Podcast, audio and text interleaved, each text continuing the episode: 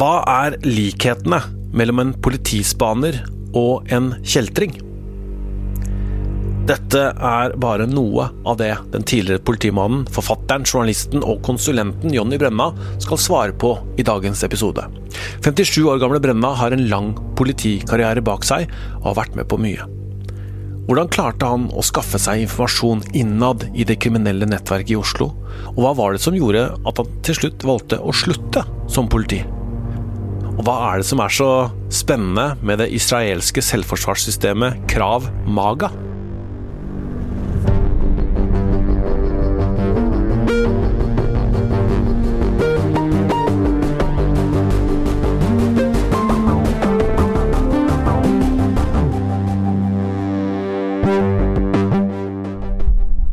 2004. Nokas-ranet. En politimann ble skutt, og det er vill jakt på de ranerne. Kan ikke du fortelle om den jakta, Jonny?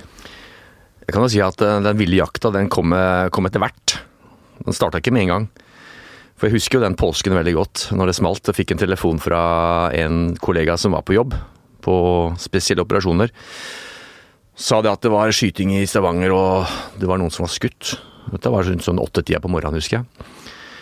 Og da, da, da, husker jeg at eh, det var jo inne og se på TV-en hva foregår. og Vi sto jo på bar bakke alle, alle mann. Men, men, jeg i hvert fall personlig mente og tro ganske sikker på at dette miljøet her var noe vi kjente godt til i Oslo. Så, så jeg begynte å ringe alle kilder og alt det jeg hadde av informanter og folk som jeg visste om. Og, og igjen, kan dere ringe de, den og den og den og se om dere tar telefonen? For det er liksom første, første skritt, i å finne ut hvem er på telefon og hvem er ikke på telefon. Og er du ikke på telefon, så, så, så, er du jo mistenkt med en gang, for å si det sånn, når du er i det miljøet der. Fikk du noen napp av? Ja, det var mange som ikke var på telefon. kan du si det sånn. Og så var det jo mange spekulasjoner, så det begynte jo å spekuleres i, i mange forskjellige av de kjente ranerne. Som igjen da var eh, øyensynlig i Oslo. da. Eksempel Utsi. Han dukka jo opp på en bensinstasjon, husker jeg, og var jo der og viste seg fram på Mortensrud der.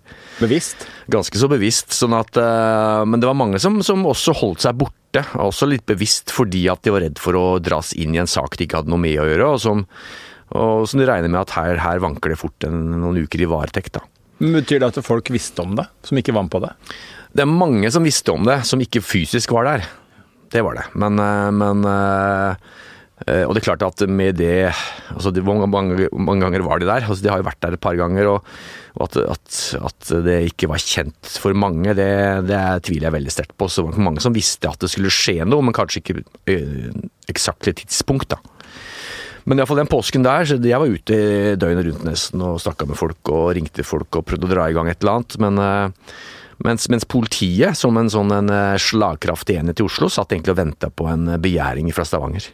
Ikke sant? Sånn var det da. Ja, sånn, ja. Var, det. sånn var det faktisk. Og, og, jeg husker det at jeg kom tilbake på jobb, så liksom stussa fælt på hvorfor var ikke, hvorfor var ikke troppen i gang. Men det var for at man, man sto vel litt på bar bakke og hadde ikke helt klare bilde av hvem som fysisk var der borte. Eh, og som sagt venta på en bistandsanmodning, da. Men, men når kom, den kom, ja, den kom jo den, ja. men når den kom, og man etter hvert begynte å få litt sånn eh, mer kjøtt på beinet, så ble det jo en, en, en jakt. Og, og, det ble jo en, en virkelig en sånn klappjakt eh, de luxe som vi ikke har sett maken til i norsk kriminalhistorie. Hvordan foregikk den? Jeg husker vi fikk jo to stykker som eh, liasoner fra Rogaland, som, som, bodde i Oslo. Du må si hva det er. Det er to polititjenestemenn som, som bodde i Oslo, og som var kontaktnettet mellom Oslo og, eh, og, og, og Rogaland. Satt hos dere og jobba? Ja, satt hos oss og jobba. Mm. Og, og, da var det jo systematisering av all informasjon. Det var jo analyse, KK, det var begynt etter hvert å bli spaning. Man fikk informasjon, man begynte å få tekniske spor. Og det er klart at etter hvert så, så tegna det seg jo en eh, klar eh, ja, sirkel rundt aktuelle personer og miljøer. Da. Så så man jo at det var jo folk der borte. Som f.eks. Schumann var jo der uten at man egentlig visste om det før man begynte å sjekke at han faktisk var der. Og Tosca hadde jo også tilhold der borte. Mm. Og det er klart at mm, min kritikk, da, hvis man skal begynne å liksom spole litt tilbake igjen er, i forhold til politiet her, er jo dette skulle vi ha visst om. Det, det, skal ikke gå an at politiet i april 2004 ikke visste at disse folka var der. Mm. Men det var litt av, eh, av min kritikk til, nok en gang til hvordan man organiserte seg. da, For at man ble en ekstremt stor eh, seksjon med store enheter eh, i 2002. Man slo sammen Personspaningen og Uropatruljen og ransetterforskningen og lagde en svær seksjon. Og en seksjon må jo styres. Og da styres det jo i prinsippet med etter knyttehåndsprinsippet. Altså vi, man skal være en knyttehånd mot, eh, mot de eh, prioriterte miljøene man går etter. Og hvis ikke du er innenfor den knyttehånden, så, så er du utafor kan du si 360-graderen. Så ransmiljøet gikk litt utafor fokuset, da? Ja, altså jeg husker at man hadde jo en, en eh, ganske stor operasjon på Catch oppe på Kripos, som var et sånt eget prosjekt. Som ble leda av Geir Bang-Danielsen. Eh, og han var jo en, en, absolutt en som var veldig på det som hadde med ransmiljø å gjøre, for han har jobba med det i Oslo tidligere. Og da jobba man fram med det, med det miljøet fram til altså Jeg husker sånn ca. 2002. Tidlig 2002, 2000, ja, rundt der, 2003. Eh, Men så, når det var over, og man slapp det prosjektet, så, så var det Ja, nå går vi på andre miljøer. Det var narkotika, ikke sant. Og da var det andre miljøer man jobba. Da jobba man hardt inn i de miljøene der, alle sammen. Og da ble det jo sånn at eh, i gamle dager så var jo vi premissleverandører. Vi var jo disse satellittene som var ute og kjørte og som, hadde, som konkurrerte om å få prioritet på sakene. Nå ble det mer styrt, så at du fikk beskjed om at nå skal du ut og gjøre det i den saken. Eh, og det er klart, hvis ikke da det er i de miljøene som drev med ran, så, så falt det utafor. Men da hadde, man jo, da hadde man jo Postens brevsenter, Ja. ikke sant? Ja, det- Eh, som var i høsten 2003. Ja. Som jo var et voldsomt anslag. Mm. Eh, Men som jo var mislykka i form av at man ikke fikk med seg noen eh, store kontantsummer. Ja. Det var jo ikke sånn helt utenkelig at det skulle komme noen oppfølgere her. Nei, og det er klart, nå, nå peker du på et, eh, et, et ran som jeg mener er utilgivelig utilgivelig å, å se bort fra. Da, og som på en måte var kanskje et av mange små drypp at jeg etter hvert sa at nå er det nok. Og måtte ha en pause fra politiet. Og det var eh, at vi hadde det ranet nede på Postens brevsenter, hvor det ble skutt retta skudd mot beredskapstroppen. I et ran som egentlig var mislykka, men som utgangspunktet skulle som, som viste hva de var kapable til å gjøre. Og vi visste jo hvem de var, og hvilket miljø dette dreide seg om. Og det er klart at når det ikke det ble en, en, en ordentlig innsats etter det, så tenker jeg at når du da får den i Stavanger, hvor det også går med politiliv, så er det helt utilgivelig. Og det, er, har jeg kritisert politiet for uh, tidligere, og jeg syns at det er uh, Der burde man sett på, på ledelse, altså. Vi må jo bare spole litt tilbake igjen og fortelle de som hører på eh, hva Postens brevsenterrane var. fordi at det er jo ikke alle som husker det, og alle var kanskje ikke eh, voksne og fulgte med i nyhetsbildet. Men det var jo Så får du fylle ut, eh, Jonny, men, men det handla jo om at eh, det var vel forkledd som politi, med blålys. Kjørte inn på perrongen på Oslo S, for dette er jo da midt i, i sentrum av Oslo. Eh, Brevsenteret lå jo i det som ble kalt Postgirobygget, og som ligger ved siden av eh, av eh, Må hjelpe meg med hotellet. Oslo S. Oslo S og Oslo Plaza. Plaza, ja. ikke sant? Så det ligger jo midt i, i sentrum. Og der var det da Behandla man kontanter. var det en tellesentral for Posten, var det det? Jeg mener så. Ja. Mm. Og så øh, var det på kveldsskiftet en sein oktoberkveld, så, så, så var det jo da flere ranere som slo til. Og som skulle inn og hente stort beløp med penger. øh, Og, og ja, det var vel forkledd så de kjørte Jeg mener de kjørte opp på perrongen med Sto med politiuniform og fortalte For det er jo midt på togstasjonen. Mm. øh, Fortalte folk at vi er politi og trekke unna og sånn. Var det ikke det? Det var nok eh, rundt noe sånt, ja. Og så bomma det jo. Det var vel en transport som var på vei inn med mye penger, og så var vel den på et annet tidspunkt. Stemmer. Så de, de gjorde nok eh, De hadde nok gjort en research, men de hadde ikke full kontroll på objektet. Og sånn at de bomma på, på anslaget, så det de fikk var jo bare småpenger. Ja, og Så kommer jo politiet, og så er det jo dramatikk. Hva er det som skjedde da? Ja, da er det en som, som ligger der med tohåndsvåpen og skyter mot politiet. Og det er klart at eh, når du får den advarselen der i, i oktober i 2003, så, så mener jeg da, og det mener jeg fortsatt, at eh, der skulle man ha reagert. Når man først skulle reagere sent, så var det det, det absolutt siste punktet man skulle reagert.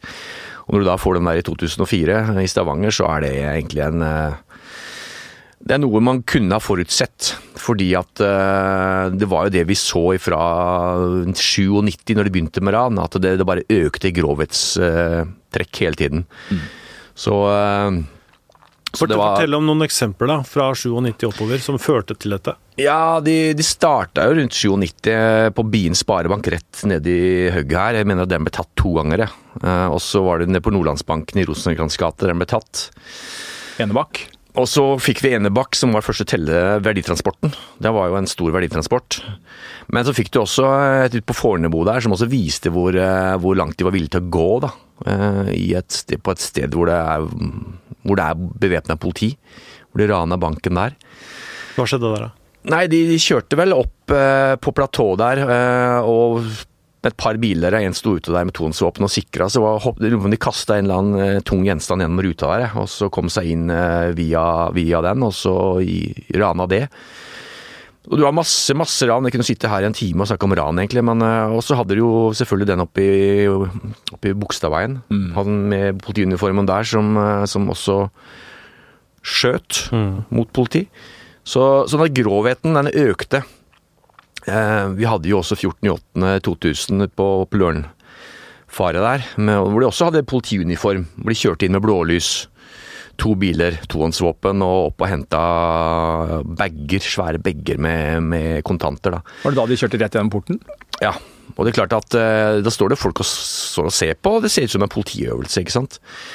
Så, sånn at eh, grovheten økte, og, og vi så at de var villige til å gå langt, og spesielt når de også legger seg ned og skyter rett av skudd mot politi, som de gjorde det på Postens brevsenter. Men det er jo, sant, du har vært inne på det, men altså, da har man en serie med ran og en tilspissing gjennom slutten av 90-tallet og inn i 2000-tallet, og man har da Postens brevsenter som er eh, mislykka i forhold til penger.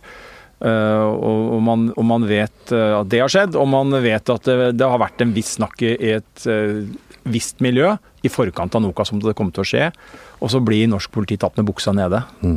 Det er jo eh, Ja, det er rart.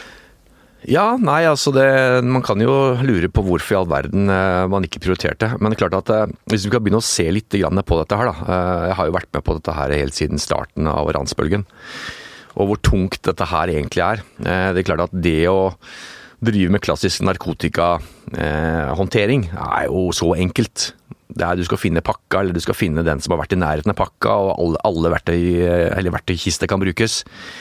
Vi starta med dette her i, på 90-tallet, så var jo ikke engang altså lovhjemmelen, altså grovt ran, hva var det for noe? Var det seks år eller noe sånt du fikk? Det var ingenting.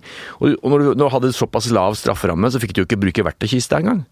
Samtidig, når vi da begynte å hadde brukt kanskje tre måneder på spaning og hadde kontroll på en bil som skulle brukes på et ran, så får du beskjed om at øh, den dagen de, er, de trommer sammen laget og er på vei til en eller annen bank, så må du stoppe de før banken, fordi at det er tremannshensyn. Ja. Det vil si at du stopper de, og så Nei, de skulle bare på et tor- torpedooppdrag. Du får ikke bevise at de skulle rane banken. Så kommer de der med våpenbesittelse Altså en våpenbesittelse, da. Som kanskje får eh, tre måneder til eh, seks måneder til ett år på. Hvor du da har brukt kanskje halvt år med alle ressurser du har. Så jeg, jeg kan også skjønne Dilemmaet eh, dilemma som som du sitter med. La, Hva, la hva, skal vi bruke, det. hva skal vi bruke ressursene på? Så, så, så det jeg eh, i hvert fall skrev inn og, og mente, det er at vi burde ta dette her ut av kan du si, den vanlige daglige håndteringen, og heller lage et prosjekt på det. Og la dette prosjektet gå eh, med at vi må ha bedre informanter, eller bedre informasjon. Eh, og eneste måten å få det på, det er at du må dedikere folk som må være en egen taskforce som tas ut av linja til å jobbe med det miljøet der. For å få god informasjon, og for å kunne ja, slippe å bruke så enorme ressurser da, på, på den der f.eks. spaningen og KK-en og alt det der som førte med. For det, det tok så mye av ressursene, og du fikk så lite igjen da, med mange av de sakene. Men det- KK er eh, kommunikasjonskontroll, da, med avlytting rett og slett. Hva Ja. slags avlytting kunne man bruke? Ja, det var jo det, Du sitter jo og hører på mobiltelefonene, noe som var ganske fjernt for de fram til eh, rundt 2000. Og det var jo Catch som faktisk starta med det og brukte dette her i saker. Sånn at eh, Plutselig så var det jo sånn at eh, bærebjelken i mange saker var, var kommunikasjonskontrollen, det du hadde på, på telefonen. da. Så, og det er klart at kriminelle tilpasser seg jo hele tiden, så det er klart at da ble det jo de forsiktige med det også. Så, men skulle du ramme det miljøet her godt nok, så var det helt avhengig av gode informanter. Du måtte ha informasjon, da. Pluss at du måtte være ute operativt og kunne legge brikkene hele tida. En operativ kartlegging, som vi kaller det. da. Hva er en god informant, da? I det miljøet her så er en god informant en som ikke er på toppen. Det er en som gjerne har en rolle, som skal eh, fikse, styre Kanskje, kanskje eh, gi noe våpen, biler, altså sende inn utstyr. En som er eh, Si du får en bil, da. Så kan, kan du sette på en tracker på den. ikke sant? Bare det er jo et eh, voldsomt eh, skritt fram i etterforskningen. Fordi at de som, eh, som, er store her, de har jo ingen andre å skulle tyste på. De er på toppen uansett. Det, og det er liksom generelt innenfor det med informantvirksomhet, at du, du, må finne de informantene som er litt under toppen, da. Og så er det jo hele tiden at, uh, som vi kaller det, den pila må gå riktig vei. Det vil si at det kan ikke være en ulovlig provokasjon. Det vil si at den som da gir informasjon til politiet, kan ikke være den som styrer og organiserer og, og peker på andre, f.eks. Da, har vi, da har vi en ulovlig provokasjon. Hvordan skaffer man en sånn informant? Sånn som jeg skaffa informantene mine i det miljøet her, det var årevis med jobbing ute i felt. Med møte, møte de, ransake de, uh, være synlig. Ta kontakt med de. Uh, når de var svake, når de satt i fengsel, når de var i varetekt. Stikke innom. 'Hallo, åssen går det?' Uh, være på hele tiden. Og du visste gjerne det at de gjorde motstand, men plutselig så fikk du den forløsende telefonen, da. Hva er det som gjør at de hopper over og blir med på ikke er, eh, ikke er bare skurk, men også litt purk, for å bruke et enkelt uttrykk? Det har noe med at du, de lever jo i en, et kjeltringssamfunn hvor det innimellom kan være veldig greit å ha kontakter på utsiden som kanskje kan hjelpe de litt. Eh, Hvordan da? Ja, Alt ifra egentlig hverdagslige problemer. Bare det der å ha noen å snakke med som ikke er en del av kjeltringreiret. Altså mm. til og med der, jeg har jo vært hobbypsykolog for mange av de der folka der som har hatt problemer med samboer og barn og unger og alt mulig sånt. Altså det, du blir jo en sånn eh, veldig personlig oppi det hele, til at de, du får et tiltro, de stoler på deg, og at du er kul og kan snakke med. Da. Du må på en måte treffe deres verden. Samtidig som du er streng og ransaker dem? Og Samtidig som jeg var veldig streng og ransaka, fordi at du må vise den farlige side også. Hvis ikke så spiser de det opp, og så blir du den ufarlige dusten som vi kan bruke. Men, hvor, men de, de, løper en risiko. Altså Blir du avslørt som informant, eller tyster, som jo eh, brukes blant de kriminelle på, på det, den rollen der, mm. så kan det jo få ganske alvorlige konsekvenser, og du kan få ja, det kan få gjengjeldelser og eh, det kan bli ja, konsekvenser. Uh, hvordan, hvordan lever en kriminell i den limboen der? Altså det er klart at eh, Han må jo ta en risiko. og så er det jo slik at uh, Den kriminelle han, han, vet jo egentlig ikke hvordan, uh, hvordan dette systemet her fungerer. F.eks. mitt politisystem som jeg må forholde meg til. For at jeg må jo levere dette her videre til eller annen, et eller annet system. Mm. Så klart at det er alltid en risiko. Og det er klart at du Det er jo det at når du snakker med en, med en kriminell og du innleder deg til et, et kilde-informant-forhold, så så er jo Du må på en måte legge noen premisser, da. At uh, du, må, du må, fortelle at jeg, du kan stole på meg, men jeg kan ikke, kan ikke garantere deg 100 immunitet. Jeg, jobber ikke i pressen. Uh, og, men samtidig så er jo du en sånn pain in the ass da, som er der hele tiden. Som, du, som de må forholde seg til. Og det var på en måte min inngangsbillett i dette miljøet her. At det blei ikke kvitt meg. Var, jeg var der hele tida overalt og ble en, en, altså en aktør i deres verden, da. Mm. Både på godt og vondt. Både på hat og elsk, eller var det ikke elsk kanskje, men de, de, de, de var der. Og det var ikke sånn at de, slapp De ble ikke fri fra meg, da. Men jobben din da, den slutta ikke klokka fire på ettermiddagen, den da? Nei, men det er klart at jeg jobba jo turnus, og det var jo der jeg likte å jobbe best sånn sett, var jo egentlig personspaningen. Fordi at vi hadde så fri tøm, tommer der. Vi kunne egentlig bestemme hverdagen veldig selv, og det er klart at vi vi, vi jobba dag, 8-4, og så var det vel kveldsskiftet 3 til 11 og 4 til 02 i helgene. Jeg jobba ikke natt etter utgangspunktet, men klart, du ble sittende i mobiltelefon. Mm. Sånn at uh, Møtene du hadde med, med informantene, var kanskje én av 40 ganger. Resten gikk jo på telefon, og du satt jo egentlig etter hvert døgnet rundt nesten med telefon. Eller i den tiden så snakker vi om personsøker, da. Mm. Det er peip, og så måtte du finne en telefon. Mm. Vi snakker om mange år tilbake. Mm. Jeg tipper mange lurer på dette med ikke sant? Man har en informant, en som samarbeider med politiet, og som likevel er kriminell. Og så lurer sikkert mange på hva gjør man da hvis uh, denne informanten uh, bør straffeforfølges? Altså tas for noe og straffes for noe. Hvordan håndterer man det? Ja, altså jeg, tenker det at det er ganske enkelt, for det, er- det er noe man er, må være rimelig klar på i møte med informanten. At du, du gjør kriminelle ting, og du blir tatt for det, så må du ta den, ta den eh, straffen du får. Likhet for loven. Likhet for loven der. Samtidig så er det slik at eh, Og det, og det viser seg jo etter hvert at vi hadde jo påvirkningskraft mm. på den tiden ved at vi kunne kanskje hjelpe med soningsforhold. Og det er viktig. Ja. Eh, og selvfølgelig det som var eh, veldig viktig på den tida der, var jo å kunne hjelpe litt med førerkort. Førerkort. I, I det miljøet der. Hvordan at, eh, gjorde man det, da? Altså, det miljøet var jo egentlig et bilmiljø. Det, det kom jo fra et gammelt miljø fra 80-tallet, egentlig, hvor, eh, hvor de stjal Cosworth, eh, Cosworth og ble kalt for Cosworth-ligaen, så de var ekstremt glad i å kjøre fort i bil. Så det der at de hadde f.eks. Et, et beslag av førerkort, var jo pain in the ass for dem. Det var egentlig noe de altså, Det var veldig mye verdt, da. Så hvis jeg da kunne gå ned til juristen og ja, hjelpe litt til, da, så at han fikk den kanskje en måned før han egentlig skulle, men jeg kunne ta litt større ære enn det jeg kanskje hadde, så, så var det en sånn Da hadde jeg pluss i margen, ikke sant. Og det er sånn som de, de husker på.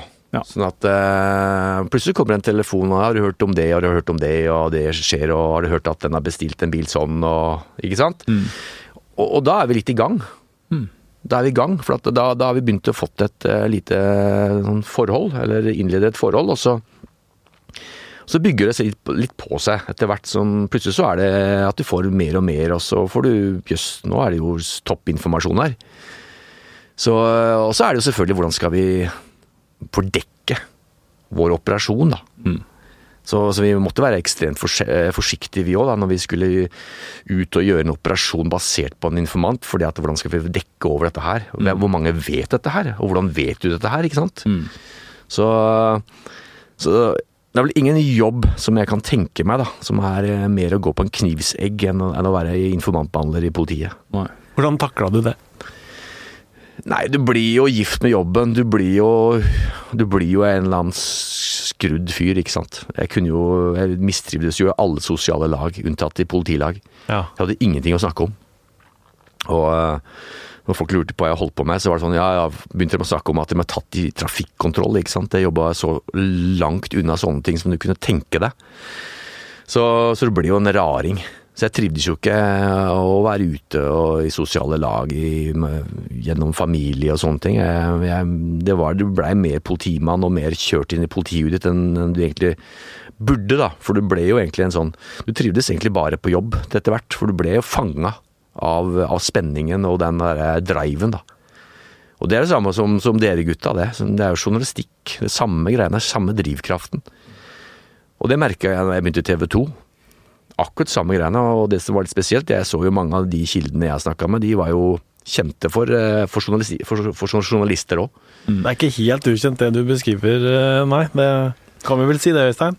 Ja, det kan vi. Det er klart at det er jo eh, Vi har jo også kilder som har ja, motiver for å snakke med oss, og som vi ønsker å snakke med, og som vi gjør jo noen av de samme vurderingene i forhold til hvordan vi skal bruke den informasjonen vi får i vår setting. Så det er klart det er mange fellestrekk, og ja, vi kjenner oss jo godt igjen på, på den biten. Men i forhold til det, vi kan jo svinge litt eh, videre kanskje. I forhold til informanter så har jo du en Du opplevde jo noe som eh, enhver Du kalte vel enhver kildeførers mareritt. For du hadde en kilde som het eh, Petter. Mm. Kan ikke vi fortelle litt om, om Petter? Petter han var en, en, en av de der mennene som jeg tenker kan være veldig verdifulle. da. Ofte fordi at de, de er ikke direkte med i, i operasjonen, men de har en rolle. Og han var en, en mann som eh, serverte biler og våpen. Han var våpen- og bilmann i miljøet. Og derfor så var også han en viktig mann i miljøet. Eh, og da, når, klart når han da ga informasjon om si en bil eller, eller noen hadde bestilt et våpen, så, så, så er det jo det vektig informasjon. Spesielt også hvis vi får tak i en bil. Eh, og han snakka jo med toppgutta. Han var jo liksom, han hadde jo stor respekt i, i det miljøet der. Så det er klart at når, når du får en sånn en, så, så er jo han en, en gullinformant. Mm. Men eh, det som skjedde her, var jo at han eh, serverte en bil til et lag som skulle Som tok eh, Munch i 2004. I august 2004. Og, det, og, og han visste vel like godt som alle andre når han slo på TV-en den der dagen der at dette er problemer. Ja. For den bilen hadde han servert til det laget. Han så bilen. Han så bilen, og det er klart at når du da begynte å google litt, så så du at det var første, førsteside på alle verdens nyheter. Så skjønte jo han og andre òg at dette her blir stort. Mye større enn Nokas, faktisk. Han hadde kanskje ikke sett for seg akkurat det? Han, eh, han sa så til meg at han hadde servert det laget en bil, men den skulle brukes til et, et grovt tyveri. Altså ikke til et ran, og i hvert fall ikke av den dimensjonen der. Så jeg tror han, han hadde nok litt lyst til å hjelpe oss. Til å få tilbake dette her og komme trygt ned på beina og lande trygt selv. da. Godt utgangspunkt for deg, da. Ja, og det var jo at det første han gjør er å beskrive bilen. Eh, og, og, eh, og han forteller jo om hvem som har vært og henta bilen nå. Så, sånn at gjerningsmennene er jo kjent timer etter selve anslaget, i stor grad. Så mens vi sitter og ser på eh, sjokkbilder fra Munch-museet hvor eh, to nasjonalskatter er borte, så sitter du og vet hvem som har gjort det. Jeg har fått navn av den som styrer det, og har fått beskrivelse av personer som har vært og henta bilen, ja. Og, og også et våpen.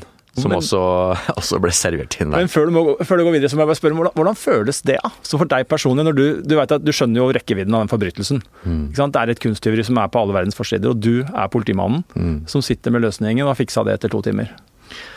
Ja, og det, og det er klart at eh, det jeg gjør er jo da å servere dette her inn til eh, Politi 12 Oslo, forkorta PTO, som på en måte sitter som en sentral. Og de har jo undersøke, og de, de gjør jo de undersøkelsene og finner ut at, eh, at ja, det stemmer jo.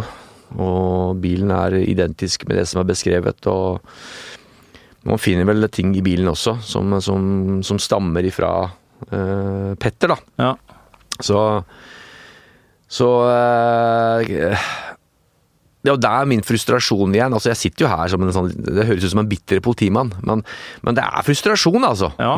Jeg må si det at Og dette her er jo nok en gang eh, grunnen til at, eh, at jeg etter hvert sier at nok er nok. Ja. Og det er at, at det gjøres jo ikke noe operativt med informasjon. Nei. Man setter jo ikke i gang noe, noe Hvorfor begynner man ikke å spane? Hvorfor setter man ikke post? Hvorfor gjør man ikke KFK? Hvorfor gjør man ikke noe med den informasjonen med en eneste gang? Operativt. Fordi at dette her, dette har jo vært borti så mange ran at det er jo i den der fasen, altså initialfasen av et ran, hvor de, er, hvor de er svake. Ja, og her kunne man kanskje ha fått Marlin tilbake igjen veldig fort. Ja, det var intensjonen, men, men så går det jo fader meg et par uker før de gjør første spaningsoppdrag.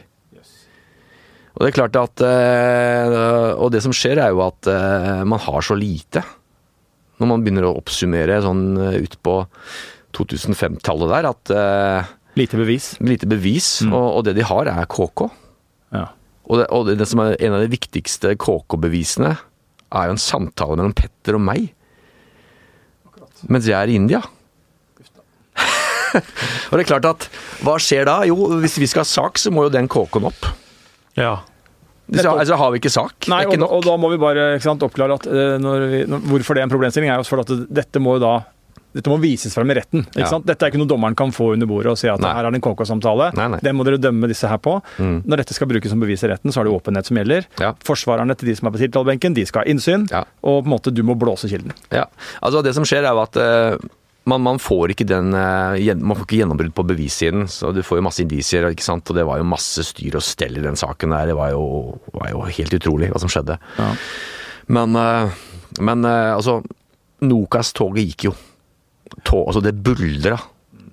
Nokas- Samtidig, for det må vi jo ja, si. Og, og det, det buldra framover. Da har det kommet til en operativ fase. Ja. Og, og informanter har jo sagt at hele det ranet er jo en, en, en måte å tvinge politiet til å gå over på en annen sak. Ja. Men det greide ikke Toska. Han greide ikke det. Nei.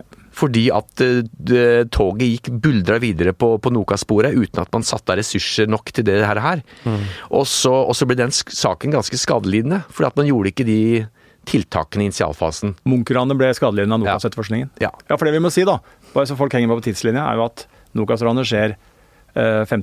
april i Ja. 2004. Ja. Og så kommer eh, Munch-ranet i august samme år. Og så er jo det, som du sier, er jo offentlig kjent og vel etablert nå, at det er jo noe som gjøres Mm. for å spenne bein på Nokas-etterforskningen.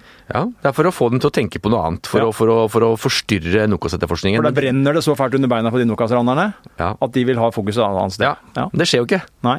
Nei. Også, Hvor, hvorfor ikke det? Fortell om det. Nei, det, altså, jeg, jeg tenker det at det er, det er- er fordi at den, eh, nå er man så til de grader inn i et godt spor da, på Nokas. Og det er klart at det å begynne å skal eh, hoppe over på en annen sak, i, som i politiøyner nok ikke er så stor, Nei. men, eh, men for resten av verden så er jo den saken mye større. Og, og nå for Norge under ett så er den saken mye større. Det er jo nasjonalskatter vi snakker om her.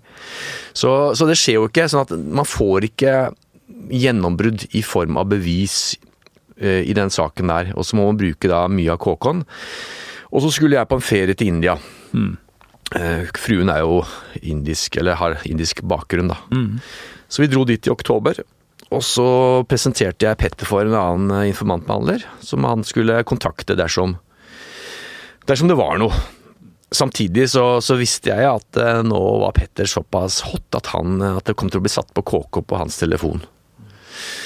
Og så sitter jeg eh, på et lystig lag i India, jeg, og så ringer en telefon, og så ser jeg ikke noe Ser jo ikke hva som på displayet, hvem som ringer, ser jo ikke noe telefonnummer, det er ukjent, ikke sant. Og så er det Petter, så tenker jeg da har han sikkert Lurifax-telefonen. Så begynner han å legge ut om alt mulig, at han har vært i kontakt med den og den, og det er Tosca som står bak, og det kommer masse informasjon. Lurifax-telefonen? Ja, det er en sånn eh, Vi kaller det for lurifaks. Det er jo disse bitelefonene som ikke er registrert noe sted. ikke sant? Det er jo helt vanlig de gjør det, disse kriminelle. Men nei da, han ringte fra sin telefon som det var KK på. Ja. Det så ikke jeg, men jeg skulle selvfølgelig aldri tatt den telefonen der. Men, eh, men det ble jo da såpass skadelidende at skulle du bruke KK, så ville den komme fram. Og det betyr jo at eh, har vi sak, så, så, må, vi bruke, så må du skrive rapport, Brenna. Du må skrive rapport, og, og det blir gjort. Og så kommer vi i retten, og så kjøper Petter seg tid. For han vet at nå er han hata i miljøet. Så han, så han kjøper seg tid, for han vil, ikke, han vil kjøpe seg tid til å sikre seg selv. Så han bortforklarer alt med bare masse svada og tull i retten. Bare, bare for å kjøpe seg tid og være good guy for de kriminelle, for han skal sikre seg sjøl. Samtidig så ble jeg kalt inn, og så må jeg bygge han opp igjen som, som, eh, som vitne, med å da fortelle hvor god kilden har vært. Du må reparere skaden, da. Jeg må reparere skaden som han har utført i retten, da. Og, og da også da gi han mer skade, da. Det gir han merskade. Samtidig så, så, så, så stilles jo hele saken i et merkelig lys. For det første så, så er jo, ser jo eh, forsvareren at det, er- hvorfor er det ikke gjort noe operativt her på, på et par uker etter at du kom med informasjonen. Og så da fikk jeg spørsmålet er du troverdig, Brenna? Du, politiet, ikke, ikke engang politiet har stolt på deg. så og, og, og samtidig da, ut av det, så må jeg utlevere unnlagsmateriale for rapporten. Det har jo aldri skjedd før. Det vil si alle, alle, notatene som da er grunnlaget for en rapport. For at man skal se unnlagsmaterialet for rapporten. Og det er klart at da hadde jeg det som ble kalt for notoritet. Det vil si at jeg hadde jo en logg med dato, tid eh, og kontakt med hvem, hvor, når, hvordan, og linka til et notat. ikke sant? Så jeg hadde jo en sånn der spørrebørliste nedover, så jeg hadde jo det i orden, da. Nå hadde jeg ikke hatt det, så hadde jeg, tror jeg vært ferdig som politimann, egentlig, i denne saken der. For det, det var rimelig hardt kjør i retten, da, for å si det mildt. Hva betydde det for deg, da? At du måtte blåse den kilden? Altså Det å blåse en kilde, det er, det, det er absolutt det du ikke ønsker. Samtidig så var det jo noe du skjønte du måtte gjøre i den saken, sånn som den saken utvikla seg. Samtidig så, så er nok en gang, da, man, man tenker at hvorfor kunne man ikke gjort de riktige tingene? Hvorfor kunne man ikke ha prioritert akkurat der og da, og hvorfor Altså Når du har en sånn, sånn sak og den dimensjonen der, hvorfor kunne man ikke satt i verk eh, operativ virksomhet med en gang? Men det er klart, det, det var Nokas-toget som gikk, altså. Og det gikk så, så det dundra etter. Fortell om det. Ja, det var, det var jo Man fant jo spor. Man var på jakt etter, etter folk. Man fant jo Man hadde jo gjennombrudd. Man fikk jo bevis. Og, og, saken gikk jo kjempebra, ikke sant. Og det er klart at eh, for politiet da skulle hoppe over på en ny sak, det, det er ikke lett, det altså. Det skjønner jeg veldig godt. Hvordan gikk det med Petter, da? Det ble jo flere dømt for Munch-ranet, men, men hva skjedde med han? Eh, Petter, han, eh, han Altså, det ble jo en en tingrettssak som da ble anka, selvfølgelig. Og det ble jo domfellelser der, så ble det jo en, en lagmannsrettssak som da Hvor det ble også flere domfellelser. Og her har vi jo nå en liten sånn ny tvist som kommer, da. Jeg vet ikke om vi skal gå inn på det, men det var jo et bokkontrakt som lå i bånn her. Mm, stemmer. Ja. Um, Cappelen Dam uh, ringte jo meg i 2000 og Det var Dam, var det. 2006. Utpå der og spurte om om jeg var interessert i en, å lage en bokkontrakt, eller ha en bokkontrakt. Da hadde, jeg, da hadde jeg permisjon fra politiet. Så tenkte jeg at jo, det kan jo tenke litt på det. Og så fikk jeg presentert han Kjetil Østli, som da var en, en fast skribent i Aftenposten. Så begynte vi med prosjektet, men så, så, tenkte vi at det er jo mye bedre å ha en, en, person som også ser den andre siden. Så vi lagde da en intensjonsavtale med Petter, da, for om han kunne si litt om den andre siden, som da dreier seg om eh, kriminellets eh, ståsted. Og det er klart at, eh, og den ble jo da underskrevet som en intensjonsavtale i, i før ankesaken i lagmannsretten. Så ringte jeg han eh, Ervik, hva det het, han som var aktor, og sa, sa det at du nå, nå, bare så du er klar over det, så, det, så ligger det en intensjonsavtale om at eh, vi skal skrive en bok. Men det er ikke, man liksom ikke satt i gang med hans del ennå. Nei, greit, så skal jeg si det i retten, sa jeg. Så sa han nei, det trenger jo ikke, det har jo ingenting med saken å gjøre. Men det hadde det jo selvfølgelig, så den saken måtte jo gå på nytt igjen. Mm.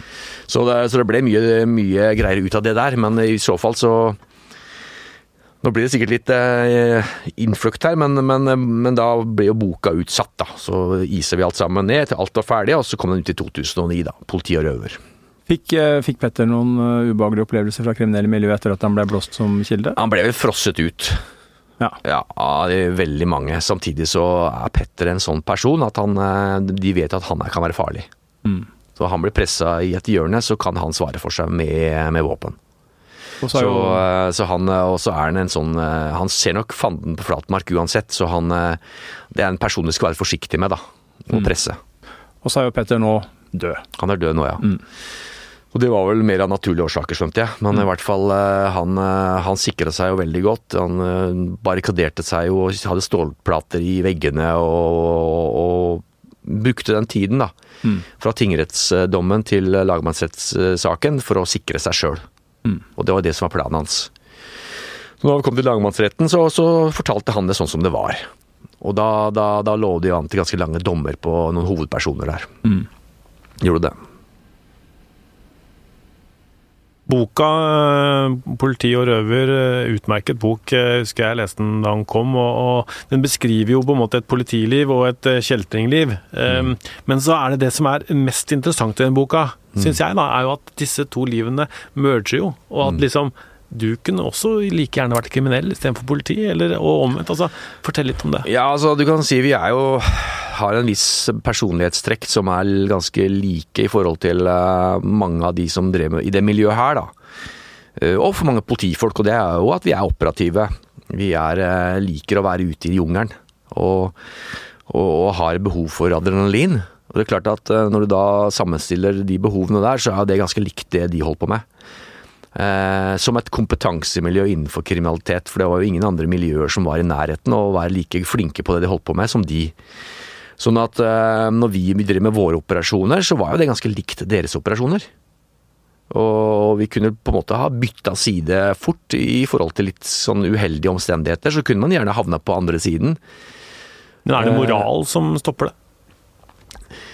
Altså, klart, jeg tenker, jeg tenker, at jeg hadde jo en eh, ganske så trygg oppvekst på landet. Og, og idretten var den som var min greie. Eh, mens eh, bodde du på Tveita eller på andre områder og hadde et litt ustabilt familieliv, da, så kunne du fort ha, endt der likevel. Så jeg ser liksom ikke så svart-hvitt på det. Vi, vi, er litt sånn heldige i forhold til hvor er vi født hen og hvor er det vi vokser opp hen, men, men iallfall på den tiden så, så kunne vi på en måte være et skyggemiljø av hverandre. Og, og, i den sammenheng så kunne vi kanskje vært eh, Petter, han, eh, han hadde jo tenkt seg inn i spesial, eh, spesialstyrken i Forsvaret. Det var dit han ville, men han kjørte seg jo av med motorsykkel og ødela seg jo. Når han var 18-19 år eller sånt, så den karrieren var jo ferdig. Og da gikk han på det som han var interessert i, og det var jo sprengstoff og våpen. Mm. Så Sånn at Og vi snakker om en, en annen tid, da Vi snakker om eh, vi som har vokst opp på slutten av 60-tallet, tidlig på 70-tallet, og det er en helt annen virkelighet enn dagens ungdom. Vi vokste jo opp ute i gatene, vi drev jo med bøll, ikke sant. Vi var jo oppe i trærne, og vi kjørte uten hjelm, og vi kjørte bil når vi var 16 år, og kjørte traktor og drakk hjemmebrent, ikke sant. Så det er en helt annen virkelighet, og, og, og de der skillelinjene da mellom politi og røver, det var mye mindre enn det som er i dag. Mm. Vi, var, vi, vi, vi, var, praktikere, vi fikk jobb, vi hadde, gikk på andre typer skoler. Politi, politifolka på den tida ble jo, ble jo rekruttert i større grad i forhold til eh, evne med tanke på at du skal bli politi. For det var jo en fagutdannelse, og da var det jo selvfølgelig er du stor og sterk, det, det er jo viktig. Og har du militær bakgrunn og du har artium, så, så ligger du godt an i løypa. Om du har treer eller femmer, har ingen betydning i snitt på fra videregående. Det var hvordan du egna deg, på en måte. Hva er forskjellen på, på, det nå, da? Både det, på en måte, det kriminelle miljøet og, og det å være ungdom og vokse opp osv.? Altså, hvis du skal på, på POS i dag, så må du ha fem i snitt for å helt tatt komme inn. Politihøgskolen? Ja. Mm. Ja, I hvert fall, i, hvert fall på, på, i Oslo. og det er klart at uh, Da er jo flink til være på skolen. Uh, det er jo tatt bort en del fysiske krav. Høydekrav er tatt bort. Fysiske styrkekrav er jo, er jo Man har senka den terskelen der. Uh, så man får jo inn en, en, annen type gruppe, da. Som er skoleflinke, som gjerne har en bachelor fra tidligere, og som er, som er en akademisk bakgrunn som, som er helt annerledes enn den gruppa som jeg var en del av. da som var i større grad enn praktikere. Samtidig ser vi på, på kjeltringssida, så er jo den, den åpne, synlige kjeltringssida er jo blitt forslumma. Det er jo rus og psykiatri. Mens eh, de som har litt kløkt og kan noe, de sitter jo på en PC, ikke sant. Så det er klart at det er en helt annen virkelighet. Så vi trenger jo, etter min mening, da, så burde man egentlig ha delt den der utdannelsen der i en eh, litt sånn Skilt den litt i en, en, skarpere linje, en mer operativ linje og en mer akademisk linje i forhold til hva du egentlig skal drive med siden, og hvilke interesser og kunnskap du har. Men det er interessant da, på, på, på den kriminelle siden da, at Nokas-ranet på mange måter ble slutt slutten på de store anslagene? Ja, det var ikke slutten, men det var begynnelsen på slutten. For vi fikk jo oppklart alle de sakene i 2004. For det var jo Starta med Nokas. Uh, og så, ja, så, var det jo uh, Skal vi se, så var det jo Neste var vel Munch. Og så var det etterpå Bygge? Ja, så kom Jessheim med Utsi og co. som ble skutt der oppe.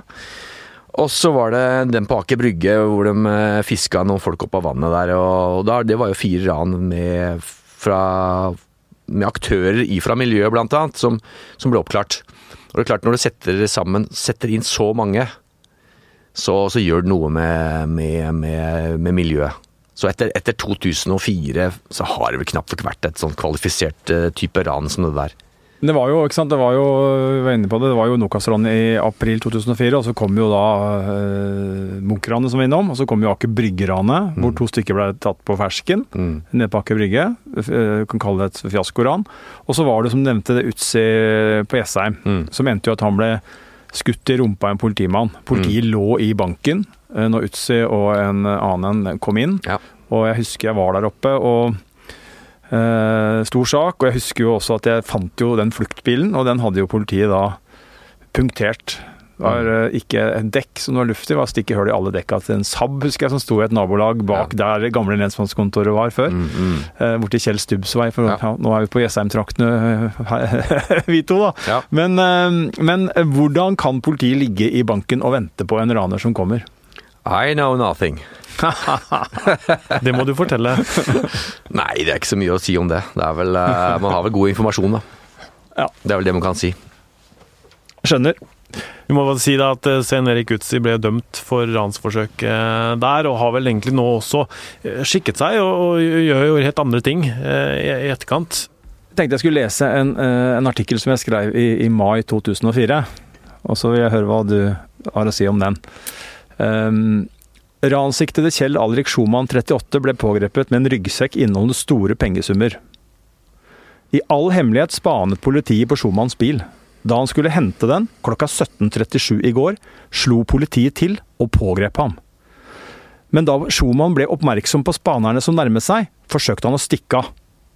38-åringens forsøk var mislykket da han ble innhentet kort tid etterpå. Og en av de spanerne, det var deg. Jo da, jeg var eh, der oppe. Stemmer det. Få høre. Ja, altså det høres jo, Når du leser det, så høres det jo ekstremt bra ut i forhold til uh, hvor godt planlagt vi var og hvor, hvor lenge vi hadde planlagt den aksjonen der. Men dette her ble jo tatt på sparket. Ja vel? Det må jeg si. Det var Jo, altså jeg møter på, på en kveldsvakt den dagen, i mai.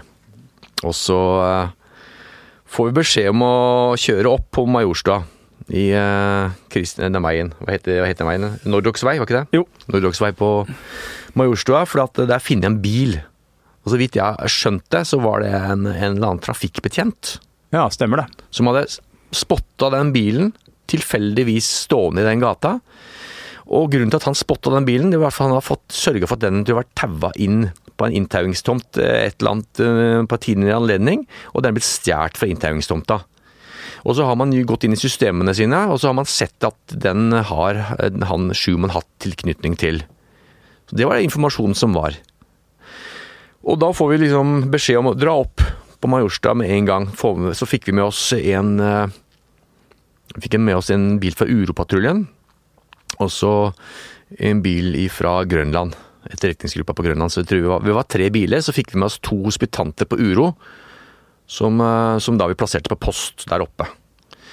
Så vi fikk plassert de på post, sånn at de hadde utsyn over veien og bilen. Og så, så bare kjørte vi sånn litt rundt og bare så hvor bilen sto hen. Og så utgrupperte vi, og så sto vi der og venta. Ja, begynte å kjede oss, for vi vet at dette her kan jo ta veldig lang tid. Vi sto kanskje et kvarter, tenker jeg. Kvarter maks. Og så får vi beskjed fra posten det er mann med bilen. Mann med caps ved bilen. Og da sier jo han førstebetjenten Malden, som sitter ved siden av meg, da, at, som var aksjonsleder, da, at vi pågriper. Jeg var sjåfør. Så da, da, da, var vi første bil som kjørte inn imot eh, området der. Når vi kommer inn, så ser jeg at det blinker. Vi kunne se at det blinka i, i blinklyset, så det var bevegelse ved bilen. Så vi kommer inn, og vi er klare til å, å, å ta, og ja, våpen alt var klart, ikke sant. Og så kjører vi, og så ser vi bilen, og vi ser ikke mannen. Så vi bare kjører videre. Og så kommer, ser vi i speilet, ser jeg bil nummer to kommer. Og de ser heller ikke noen mann. Og så hører vi på, på sambandet fra Posten at det er en mann som går oppover veien. Da har vi, da har vi passert den. Da har han gått bak en kassebil, så vi så han ikke. Og da så jeg bare at bil nummer to begynte å, å brårygge. Og da fikk jo bil nummer tre han i fanget, og så kjørte vi rundt for å ta han en knipetanksmanøver i tilfelle han stakk. Så da vi kom rundt, da lå han på bakken, sånn ja, ti meter foran bilen, tenker jeg, med håndjern på ryggen. Så, så, jeg var liksom ikke med på å pågripe ham på den måten, men jeg var jo med på aksjonen. Og så bestemte vi at ok, eh, vi må ta og sikre det vi har. Så det var visse folk som tok seg av sikringa av bil og begynte å ransake bilen der. Og så tok jeg med han inn i grønlandsbilen, og så kjørte vi inn til sentralarresten. Så jeg var den som da tok ansvaret for han. Så jeg satt bak i bilen sammen med Kjell Aldrik nedover til, til sentralarresten, og så strippa han og alt det greia der, og så inn i, inn, i, inn i, arresten med han. Snakker dere da, eller? Han, han, satt, og, han, han satt og snakka litt, og, men han, han, var mer opptatt av Han var ikke så fornøyd med at det var så mye utlendinger på Grønland. Oh. Han snakka om det. så han var litt sånn små, småtøff i kjeften, mm. men vi snakka ikke om, om saken eller noen sånne ting. Den derre redselen og, og, og, hvordan Norge var på den tida der. Mm var helt sjukt. Sånn at når vi da fikk arrestert han, og jeg husker vi gikk opp på P2, så var det jo vill jubel, ikke sant. Og så var, var P2 ringte over til Stavanger, og da hadde det jo vært skikkelig jubel. Og så ja, tenkte jeg at nå har jeg gjort mitt. Men så fikk vi beskjed om at han skal over til Stavanger. Så fort som mulig.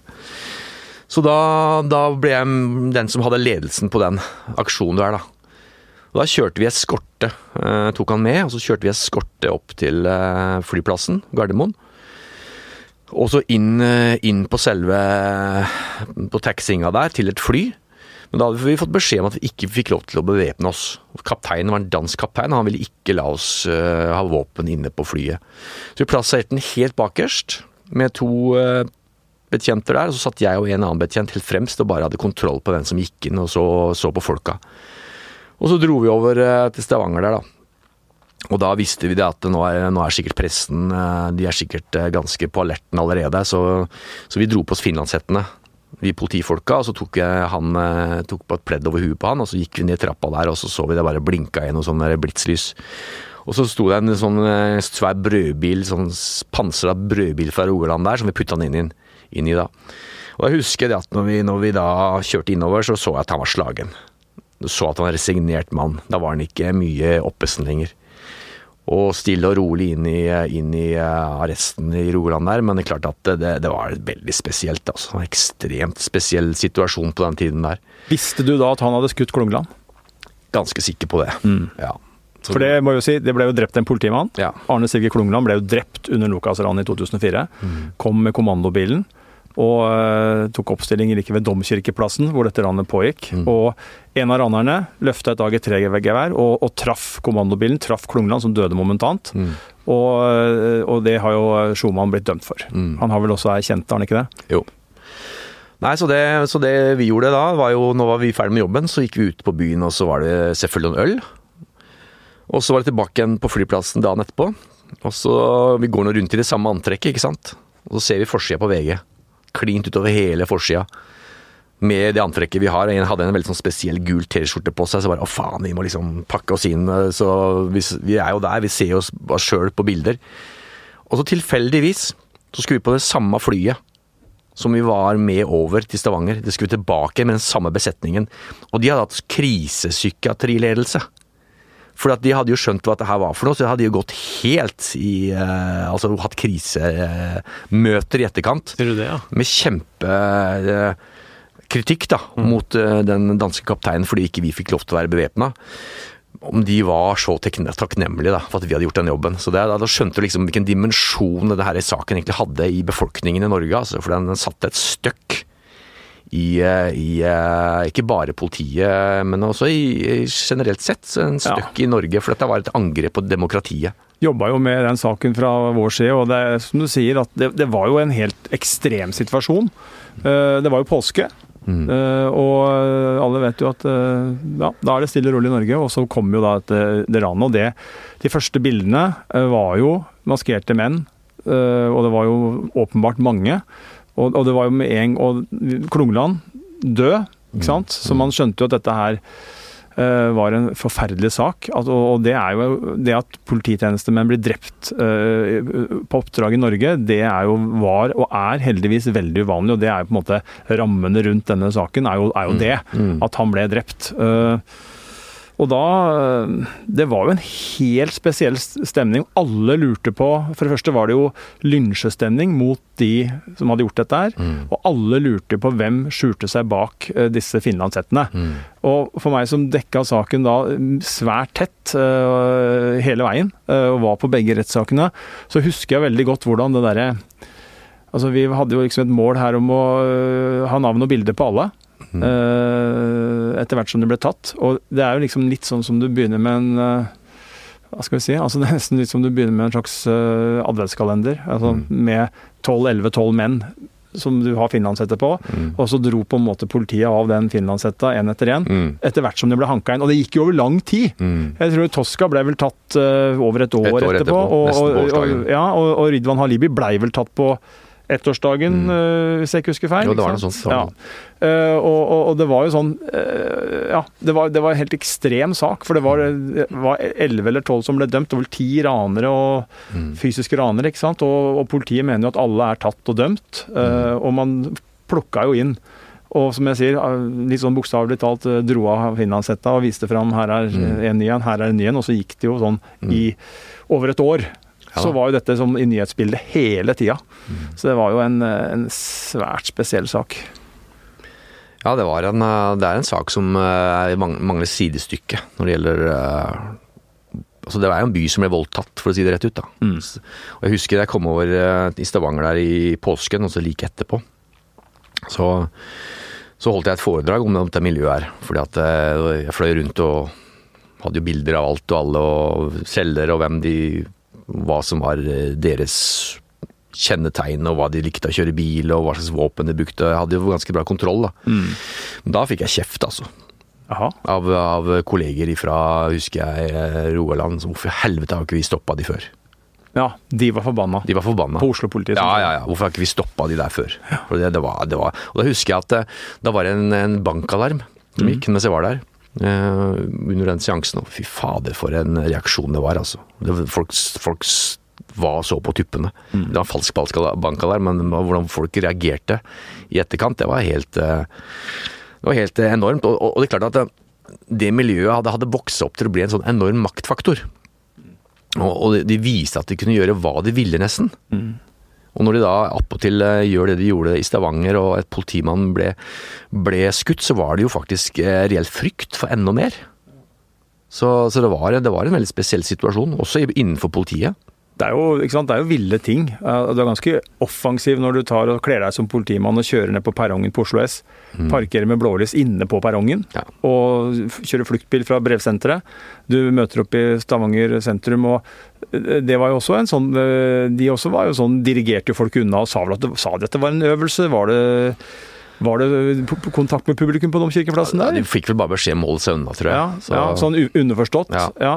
Og så har du jo da Munch-ranet, hvor man da reiser opp midt på lyse søndags formiddagen og bare eh, på et museum og løper inn bevæpna og napper med seg bilder og stikker, liksom. Det, Altså, de peker jo nese til både Politi-Norge og, og, og sikringen av verdier. Mm. Så det er klart at uh, de, de lå jo litt foran alt. Og, og utviklingen kom jo med deres inntreden, egentlig. Voldsomme angrep på, på samfunnsstrukturen, rett og slett. Det var det. Og det er klart at det Prikken over i-en var faktisk Nokas, det er ingen tvil om det. Men det ble slutten på liksom eh, begynnelsen, nei, begynnelsen på slutten for dette miljøet. Det ble også begynnelsen på slutten for din jobb i politiet. Hva, hva var det som gjorde at du slutta? Nei, altså, det var, jo, det var jo de sakene her som gjorde at jeg ble sliten. og det er klart, eh, Vi har jo vært inne i, innom noen saker her, men det er klart ikke alle. Jeg hadde jo, hadde jo også bankbokssaken på Bryn. Og det var jeg som hadde, var kildefører der, da.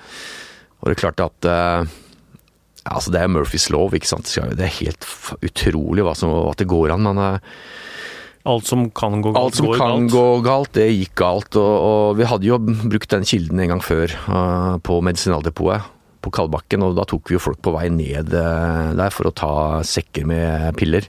De tok vi jo på fersken, uh, basert på den informanten der, og så, og så skulle de gjøre noe lignende på, på bankboksen, eller på Bryn, da, på banken der, og DNB. Og Vi hadde jo full kontroll, men visste ikke nøyaktig akkurat tidspunkt når det skulle slå til. Det var liksom snakk om to eh, forskjellige helger, og så så ble, det, det besluttet at vi, ok, vi, vi, vi setter opp et sånt overvåkningskamera og en link i Kripos som ikke er langt unna, sånn at når ting skjer, så kan vi gå dit og se på, på linken. Samtidig så må security, da, sikkerhetsavdelingen på DNB, må ringe oss når alarmen går. Det er viktig. Og så kom høstferien, og så, så kom det ikke noe alarm. Det var vel, eh, så husker jeg mandagen i høstferien så fikk jeg telefon fra P2 at jo, de hadde greid det. De hadde gjort det. Og da var det en, en, en eh, misforståelse innenfor sikkerhetsselskapet som gjorde at ikke vi ble varsla. Og vi hadde ikke eh, folk fysisk til å overvåke fordi at det kosta penger. Det ble også en, Man vurderte også det. Så klart at når da banken hadde tømt alle sine egne penger i forkant, men all, eh, alt som lå i bankboksene lå der, så ble jo det også en ganske fiffig sak. Som gjorde at uh, informant nummer to da, ble også da et vitne. Og da, og da ble det nok en eh, rettsoppmøte et par ganger. Det er klart at når du da i vinteren, våren 2006 står i Nokas, nei ikke Nokas, men eh, både bankboksaken og du står i eh, den derre uh, Skrik-saken, så blir du trøtt og du blir sliten. Og lei. Og så føler du det at de som egentlig har beslutta at de, det ikke skulle gjøres sånn og sånn og sånn, men som burde vært gjort, de er jo ikke her i det hele tatt. Han som må få ta støyten, han står her. Så tenkte jeg at nå er det nok. Så nå tar jeg en pause. Så da ba jeg om å få et års permisjon, og jeg visste ikke hva jeg skulle gjøre. Jeg bare var så sliten. Og, det, og, og da Da var jo det en nyhetssak også. Eh, Og da ringte jo TV 2. Så Så da holdt jeg jo kjeft om det at, eh, til, til eh, politiet. Eh, Fordi jeg hadde jo måttet avvikle ferie, som kunne gå av eller slutte da, først i femte, og så hadde jeg ettårspermisjon. års permisjon. Og så ble det jo kjent i VG da, ganske kjapt, eller rundt 1. mai eller si slutten der, at jeg hadde fått en kontrakt med TV 2. da. Som skulle vare ut, ut til og med mars i 2007, og skulle være med på dekkingen av ankesaken i Nokas. Det var det som var, var, var Som kommentator, liksom. Som kommentator, ja. Mm. Men det ble jo tre år og åtte måneder da, til, til sammen som eh, journalist, eh, reporter, krimekspert, hva de kaller det for noe. Det var jo kjempefin tid. Angra ikke et sekund. Og jeg måtte jo da ta en vurdering allerede i juni i 2006. Hva gjør jeg for noe? For at skal jeg fungere som journalist, så kan ikke jeg gå tilbake til politiet om tre kvart år. Det går ikke an. Så jeg måtte sa opp. Dro sjansen. Mm. Og det har jeg egentlig ikke angra på. Hva gjør du nå? Ja, det driver med en utredning, utredningsjobb, treårsprosjekt, som jeg er halvveis i nå, som, som dreier seg om et uh, Utrede et problem for en bransje, som, som, uh, som er uh, Det går på elektroavfall, for å si det rett ut. Uh, mye Det går imot Romania, Polen og Litauere. eh, og, eh, og i Afrika.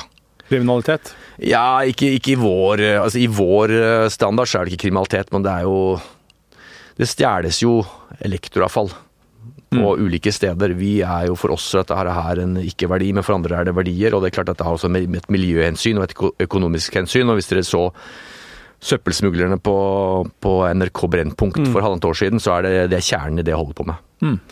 Så, eh, så det driver fortsatt der, da, operativt. Det er, det ren politijobbing, for å si det rett ut. Ren politimetodikk med spaning, operativ etterretning og systematisering av informasjon og kartlegging og, og presentasjoner for rette myndigheter. Nå er det jo vært koronastengt, men du har jo, er jo også en av de som har høyest grad i kampsporten Krav Maga i Norge. Hva er det for noe? Det er et selvforsvarssystem som er fra Israel, som er en sånn eh, Utviklet eh, av det israelske forsvaret i utgangspunktet. med Du skal lære deg fort å kunne beherske teknikker som er grovmotoriske og enkle, og for å kunne fungere i strid. da. Som igjen da er utvikla til eh, en sivil eh, del og en politidel, og som sagt en militærdel som den kommer fra. Så det er jo da primært sett innenfor den sivildelen, som da er selvforsvar mot det du kan møte som ja, menneske på gata. Vi se, kan er... vi ta, ta en liten demonstrasjon her nå på Øystein, eller? Nei, det, det ser ikke pent ut. det er korona... Det er nettopp det. Ja. Vi sitter i Redda- sånne redda. pleksiglass her. Ja, nå er du redda av den, Øystein. Ja, og det som er problematisk med det her, er jo at eh, det er kontakt, da. Så jeg har jo egentlig ikke fått trent gjort dette her på 14 måneder. Så jeg er jo så rusten som det kan være. Så, så når, det, når det nå åpnes igjen en gang, så kommer jeg til å ta en uke i utlandet et eller annet sted og bare trene for å banke rust. Bare slåss. Bare, bare trene og få inn impulser igjen, for det, nå er jeg så rusten at eh, Ja, det, Men du, men du, har, men du har jo masse, sånn du har masse energi. så Hva er det du gjør nå for å få det ut den, da? Altså, jeg, har jo, jeg er jo en løper, da. Så jeg har jo løpt mye. Jeg vært, var, var jo sprinter i noen år. Opp du ga jo et bok, 60-meteren. 60-meteren ga jeg ut, Ja. som var sånn eh, Når jeg fylt- fylte 50 år, så fikk jeg sånn der eh, panisk krise. Riktig, ja. Mm. Så, øh, og så var det jo snakk om at det var 100-årsjubileum for idrettsmerket, så det var det som var egentlig starten til, eh, til boka, om at vi skulle markere det, da. Eh, Men det ble jo en sånn challenge hvor det da Jeg skulle egentlig ta en rekord som jeg ikke hadde sjans på. Den er på 7,68 for 50 pluss på, på 60-meteren. Det er jo manuelt 7,4 da, eller noe sånt, hvis du tenker manuelle tider. Men jeg var 400-meterløper, så jeg har jo ikke den, eh, ikke den raskheten. Så jeg løp øh, 8,00 inne og 7,98 ute. Som da tilsvarer 7,8 da. Eh, Manuelt. Som er greit for en som har fylt 50 år. Ja, Du syns det at det er greit? Det er greit for en som har fylt 50 år. Ikke vi, snakker, vi snakker om godkjente tider der òg, ikke sånn der skoletid som du tar på, på Løkka, liksom. Det er det. Jeg var, meget aldri jeg var aldri under ni sekunder på det. det er, å, nei, nei, nei. Og så har jeg slitt med akilles eh, siste årene, så, så, så nå har jeg kjøpt meg sykkel. Vi hadde en sånn challenge på jobben som var et sånn sykkelmiljø der, hvor vi hadde i fjor, hvor vi skulle se hvor mange watt vi greide å produsere i løpet av ett minutt. Snittvatten. Noen watt-challenge. Og der gjorde jeg ganske bra, egentlig. Så jeg hadde vel 557 i snitt på, på ett minutt. Så tenkte jeg ja, kjøpe meg en sykkel iallfall. Så gjorde jeg det i fjor. Sånn giant eh. Um, og så begynte jeg litt nå, og så var jeg på Strava, så fant jeg ut at på Strava er det jo mye interessant. Der er det jo noen segmenter. Så nå er jeg blitt sånn segmentjager. Det vil si at jeg finner korte bakker Fra 20 sekunders ytelse til opp til 50. Og så trykker jeg alt jeg kan der, eh, som, som en sånn fartslek. Mm. Og så eh, jeg sykler en to mil, og så har jeg kanskje to-tre sånne bakker hvor jeg vet det er segment. Og så, så, så kommer jeg og så sier jeg ok, best i år. Og så er jeg all best, all time på noe på én, faktisk. Og så vet jeg at ok, det segmentet skal jeg ta, og det skal jeg ta all time. Og da er det veldig viktig å se vindretning. så jeg var ute og sykla i går, hadde en sånn tomilstur. Fant et sånn dump, da. Starter i en nedoverbakke, og så er det en, er en eh, oppoverbakke på, på en halv kilometer. På Romerike, da. Eh, og så ser jeg at det der er et segment. Så jeg testa den, men da var det litt motvind. Og så ser jeg at den eh, ligger jeg nå tre sekunder bak topp. Den tar jeg garantert. Når det blir medvind. Du Så du bare venter på på riktig- Så nå er det vindretning. Det er, nå er det, må ha sørvesten. Litt sånn god sørvest, så tar jeg den der. Garantert. Det, det vi kan se kanskje tendensen av, er at, eh, at eh, koronatiden har gjort at eh, kanskje vold, i hvert fall ute på gata og sånt, har gått ned. Kriminaliteten kanskje, det er litt for tidlig å si, har gått ned. Men hva tror du skjer når dette løser seg opp igjen?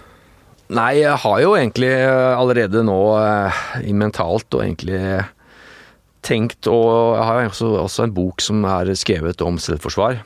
Person om eh, å, å prøve å få, få den over på engelsk, egentlig. For jeg tenker at det kommer til å bli ganske mye stygge saker fremover. Jeg er redd for det. Eh, Fra høsten er noen ting åpner, og folk skal ut og menges igjen, og litt alkohol og annen rus i blodet, og mye frustrasjon og psykisk helse, så tror jeg dette her kan bli litt stygt, for å si det sånn. 16 måneder med 17 måneder med isolasjon skal ut. Det skal ut, og så er det mange som er skada. Mentalt skada. Eh, mange som har problemer og sliter mentalt. Og det er klart at eh, det der kommer til å få, eh, få en bakside. Jeg er sikker på at dere som jobber med krim, eh, dessverre kanskje, for å si det på den, får, får mye stygge saker å, å dekke. Mm. Så jeg tenker at i hvert fall det vi som driver med, med å, å lære bort folk innenfor selvforsvar, vi kommer til å ha mer enn nok medlemmer og framover når dette her er, eh, sparker i gang. Takk for at du kom til Krimpodden, Jonny Brenna. Takk for det.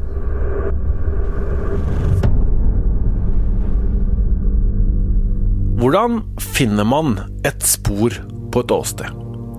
Og hvorfor er det nærmest umulig å ikke legge igjen noe spor hvis man har begått et drap eller en annen ugjerning? Det skal vi snakke med kriminaltekniker Eva B. Ragdom i neste episode. Jeg heter Tor Erling Tømt Ruud. Produsent for Krimpodden er Vilde Våren. Øystein Millie har vært med. Synne Nilsen Solbakken har bidratt. Magne Antonsen er teknisk ansvarlig. Og Ronny Furuvik har laga musikken.